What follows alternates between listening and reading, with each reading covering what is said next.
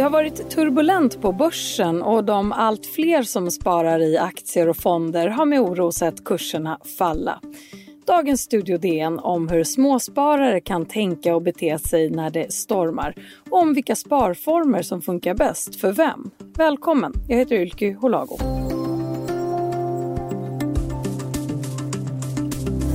Och idag har jag med mig Dan Lukas från DNs ekonomiredaktion. Hej Dan!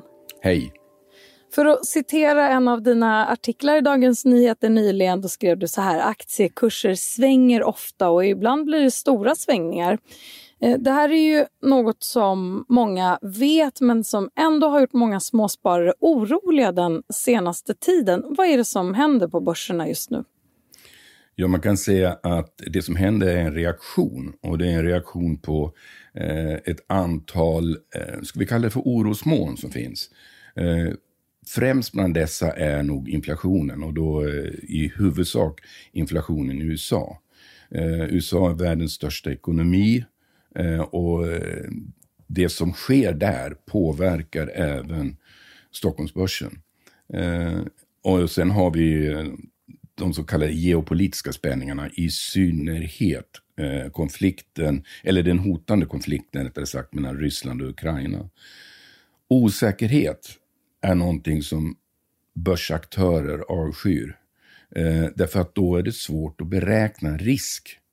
Och centralt för allt sparande i aktier är just risk. Att kunna beräkna risken och vad man får betalt eh, för att man tar risk i form av, av stigande aktiekurser eller utdelning. Och varför stiger inflationen? Eh, det är en väldigt bra fråga, men eh, egentligen så är det en, en effekt kan man säga av pandemin. Eh, den tryckte ju ner ekonomin och sen när det började släppa här i fjol, då steg efterfrågan i världen kraftigt. Och i USA framförallt så har det varit en bred uppgång. Här i Sverige så är det ju huvudsak eh, energipriser, drivmedelspriser. Men i USA där är det, stiger eh, priserna brett. Och inte minst lönerna. Eh, det är, eh, arbetslösheten har rasat i USA. Eh, företag har svårt att hitta anställda, nyanställningar. Och, och det pressar upp lönerna. Och då har du den här löneprisspiralen man pratar om som leder till en högre inflation. Så att fler får det bättre påverkar inte ekonomin positivt, eller? Jo, det gör den förvisso. Men om det sker kraftigt och, och eh, plötsligt och snabbt, då kan det betyda att eh, centralbankerna, som eh, den svenska riksbanken till exempel, eller den amerikanska Federal Reserve, säga okej, okay, nu är det risk för överhettning, att ekonomin går för bra. För gör den det kommer det förr eller senare sluta med en smäll. Så då höjer centralbankerna räntan bara för att kyla av den, den eh, heta ekonomin. Och det är exakt det som sker nu i USA. Eh, vi kan räkna med att Federal Reserve, den amerikanska centralbanken, kallas Fed för kort, kommer att höja sin ränta, sin styrränta i mars. Och hur kommer det påverka oss här i Sverige? För det har redan påverkat eftersom de har varit tydliga med sina signaler. Så en av anledningarna till att vi har haft den här eh, börsturbulensen är just den här oron för inflationen i USA. Och Det här påverkar ju som sagt många eftersom sparande i fonder och aktier har ökat den senaste tiden. Dan, vad beror det här ökade intresset för just fond och aktiesparande på? Det finns säkert många anledningar. Ett, vi har ju faktiskt en, en växande befolkning. Vi har många nya sparare. Eh, vi har eh, under en lång, lång period haft stigande reallöner. Alltså lönerna har stigit mer än inflationen. Så det finns mer pengar helt enkelt att kunna spara. Pandemin har också gjort att eh, hushållens konsumtion har minskat. Jag menar, vi går inte ut på krogen lika ofta, vi reser inte till Thailand eller till eh, Malaga eller vad det nu kan vara. Eh, och då finns det pengar över och då en del av det går in i sparande. Faktum är att eh, eh, Sverige har ett väldigt, väldigt högt sparande just nu. Jag känner många som säger att de har bytt sina sociala medier-vanor mot att istället kolla börskurser och sitt sparande. Och det verkar som att eh, belöningssystemet i hjärnan triggas liksom likadant av att kolla sina fonder i olika appar som att scrolla igenom Instagram för vissa. Hur, vet du hur bankerna jobbar med den aspekten av beteendevetenskap och internetvanor i, i sina appar? Det första jag skulle vilja säga är, jag menar, varför gå in och kolla på eh, börskurser i stup i kvarten? Det är, nej, det är ingenting för en småsparare, absolut inte. Varför Var, inte? Ja, men vad är det du ska göra? Eh, ska du ta och köpa och sälja? Ska du bli en daytrader? Jag menar, det, en daytrader köper och säljer ständigt. Men om du är en småsparare så är det ett långsiktigt sparande. All sparande i aktier eller varför för en småsparare, det ska vara långsiktigt. Du ska spara för, eh, ah, för eh, utbildning, du ska spara för en bostad. Möjligen kan du tänka dig om du säger att ja, jag ska spara till en, en ny bil om fem år. Men det, det, du ska absolut inte hoppa fram och tillbaka, eh, byta fonder hittan och dittan. Det, det kommer du bara förlora på. Men hur sällan bör småsparare gå in och kolla kurserna eller sitt eget sparande? Då? Ja, man kan ju gå in kanske ett par, tre gånger per år. Titta liksom. Det är klart att folk blir rädda när det blir så kraftiga fall och de ser oj, mina fonder, jag har ju tappat tiotusentals kronor här. Men det kommer att vända. Och eh, det, det viktigaste jag skulle säga i så fall är, om du inte behöver pengarna nu, sitt still i båten, fortsätt att spara. I, om du sparar i aktiefonder så, sparar, så köper du varje månad andelar för de pengar du sparar. Om andelarna går ner i värde, ja då köper du ju fler andelar för samma hundralappar som du gjort tidigare. Och det betyder att när det stiger igen, ja men då får du ju en, en raket. Du får ju fler andelar som ger fler utdelning. Det här med att köpa i upp och nedgångar pratade om. Men då med det här rådet så kan vi då uppmana alla lyssnare att gå tillbaka till sina sociala medier istället för att kolla börskurserna, eller hur? Ja, om man inte tycker att det är väldigt, väldigt intressant. Jag menar, jag känner faktiskt en man som eh, kunde hela, eh, i stort sett hela Europas eh, tågtidtabeller. Därför att det var ju, roade honom. Och jag kunde tycka att det var kanske det tråkigaste jag kunde tänka mig att göra. Men okej, okay. och är det så att du tycker att det är intressant att följa börsen, gör så absolut. Men du ska vara väldigt, väldigt insatt och väldigt kunnig om du ska tjäna några snabba klipp, för det gör de flesta absolut inte. Du har ju säkert många vänner och bekanta, men också Dagens Nyheter-läsare som frågar dig om hur de ska agera när börsen stiger och faller. Det är såna här turbulenta lägen. Vilka är de vanligaste frågorna du får? När jag vänder det. I dessa och, tider är det så. Och vad brukar du svara? Ja, jag brukar säga att om jag visste det, då skulle jag inte sitta på Dagens Nyheter, utan då skulle jag sitta på mitt eget ägda franska vinslott. För då är jag en väldigt rik man. Eh, ingen kan säga när det vänder. Alltså, jag skulle säga så här att den här turbulensen är någonting vi får ja, den kommer nog vara i eh, veckor om inte månader. Eh, det är saker och ting måste så att säga lösas ut ordentligt. Vi måste veta mer bestämt vad som händer med inflationen och oljepriset. Vi måste veta mer bestämt vad som händer i Ryssland och Ukraina. Eh, den typen av saker. När det klarnar, ja då kommer vi se en lugnare svängar, allt lugnare svängar på börsen. Vi ska ta en kort paus och sen prata vidare om det viktigaste vi alla behöver förstå om börsen och om vilka alternativa sparformer som finns.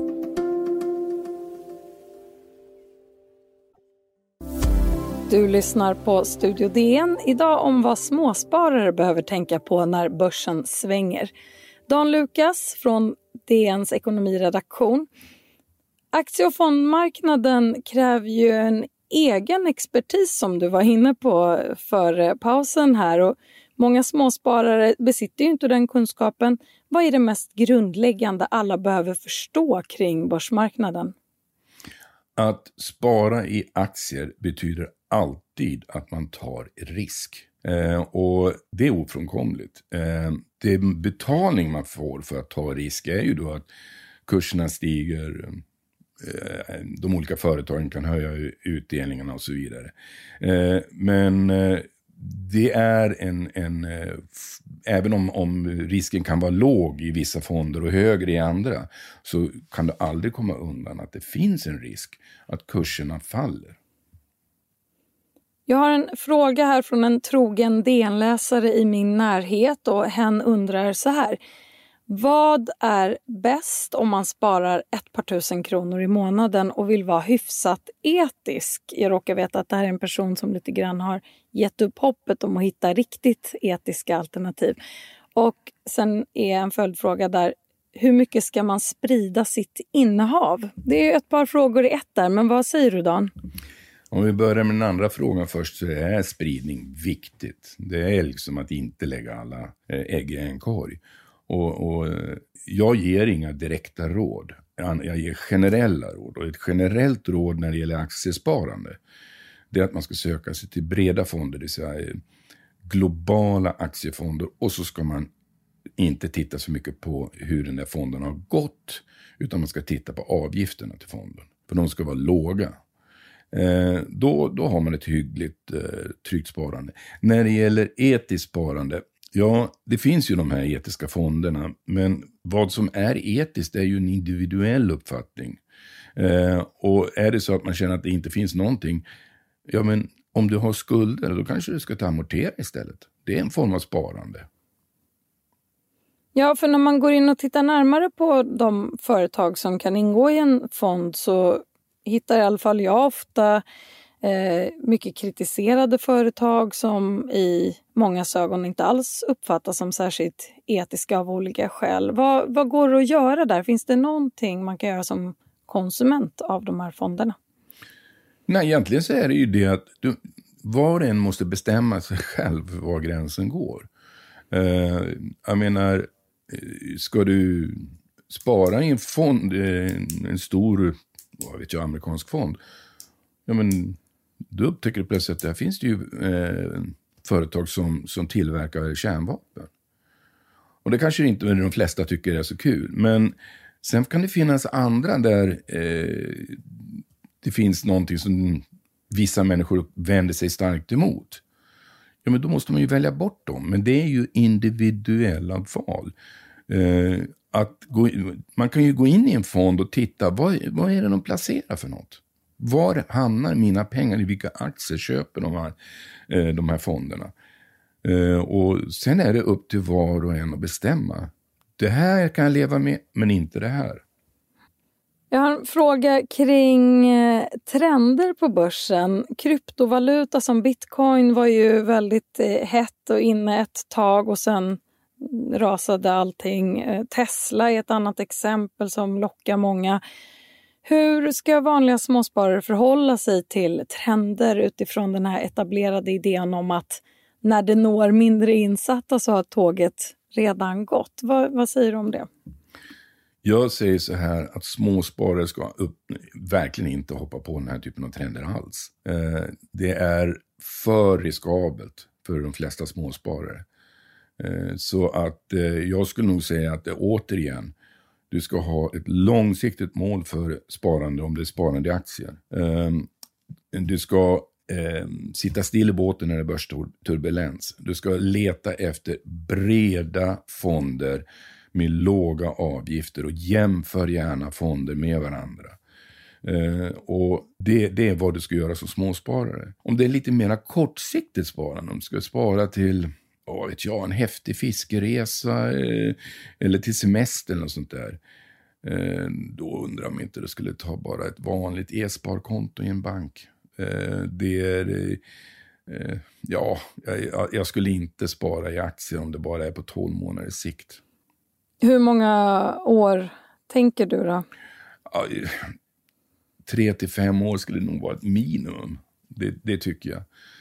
För då brukar du få en viss... Eh, de, de brukar jämna ut sig, de här svängningarna. Men bara för att gå tillbaka lite snabbt till det här med kryptovaluta, bara för att det var så himla omtalat ett tag. Vad, vad är din, hur går dina tankar där som har bevakat de här frågorna så länge?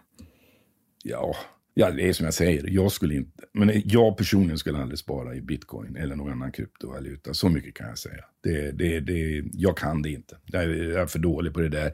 Och om inte jag kan det, då ska inte jag hålla på med det heller. Mm. Vi har ju varit inne då på etiskt sparande och hur företag försöker profilera sig eh, inom den sektorn. För den som är kritisk till exempel till att ökad produktion bidrar till ökade utsläpp. Vilka alternativa sparformer finns? Du var ju inne här på att amortera som ett sätt att spara. Kan du ge några fler exempel?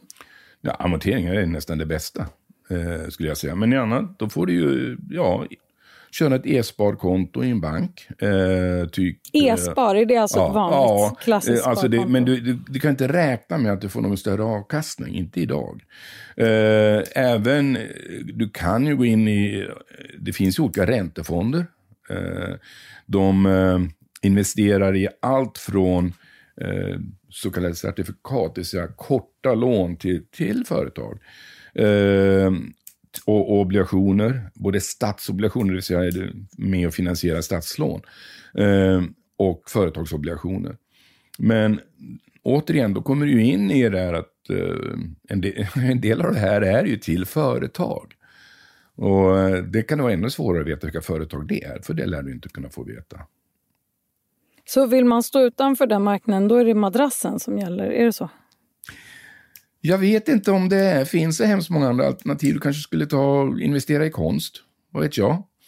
Ehm, men eh, det, det, här är återigen, jag har sagt det flera gånger nu, det, var och en måste bestämma själv vad som är etiskt och vad som är rimligt i sitt sparande. Eh, så, så, eh, det jag kan säga är en korträntefond. Eh, det är ger väldigt lite avkastning, men eh, det är kanske ett alternativ om du inte vill ha ett vanligt e-sparkonto. Avslutningsvis här, den här börsveckan nu när vi spelar in det här avsnittet började uppåt, men världsläget påverkar ju förstås utvecklingen. Dan, vad kommer du att hålla extra koll på här den närmsta tiden? Ja, det är naturligtvis eh, spänningen Ryssland-Ukraina. Eh, jag kommer också eh, hålla lite koll på oljepriset eh, och eh, framförallt eh, inflationsförväntningarna, alltså vad hushåll och företag tror om den framtida inflationen. Och då är det inflationsförväntningarna gärna här i Sverige. Det kommer jag att hålla koll på. Eh, och en sak till, eh, kanske i närtid, och det är eh, faktiskt Brexit där Storbritannien och EU nu eh, ska återigen förhandla om vilken roll Nordirland ekonomiskt ska spela. Om de där förhandlingarna går fullständigt i stå och den brittiska regeringen gör det de har hotat göra, nämligen säger upp avtalet, då kan vi nog se en del turbulens i Europa också. Men jag tror det är ganska liten risk trots allt för det. Tack så jättemycket Dan Lukas, reporter på Dagens Nyheters ekonomiredaktion. Tack själv. Om du vill kontakta oss så går det bra att mejla till studiodn dn.se. Och kom ihåg att prenumerera på Studio DN där du lyssnar på poddar så missar du inga avsnitt. Studio DN görs för Podplay av producent Palmira Kokarimenga. Ljudtekniker Patrik Miesenberger, teknik Oliver Bergman på Bauer Media och jag heter Ylky Holago.